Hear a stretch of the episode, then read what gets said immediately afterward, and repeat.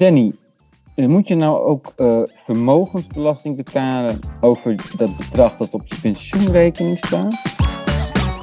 Nou, dat, is een, dat, is, dat is een ander voordeel. Dat hebben we nog niet genoemd. Als je gewoon uh, spaart of je gaat beleggen, dan moet je vermogensrendementsheffing betalen.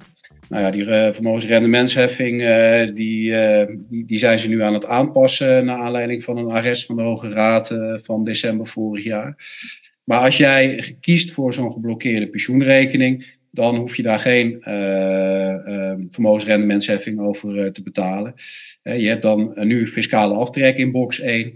En te zijner tijd wordt de pensioenuitkering ook weer belast in box 1. Maar in de tussentijd betaal je er dus geen vermogensrendementsheffing over.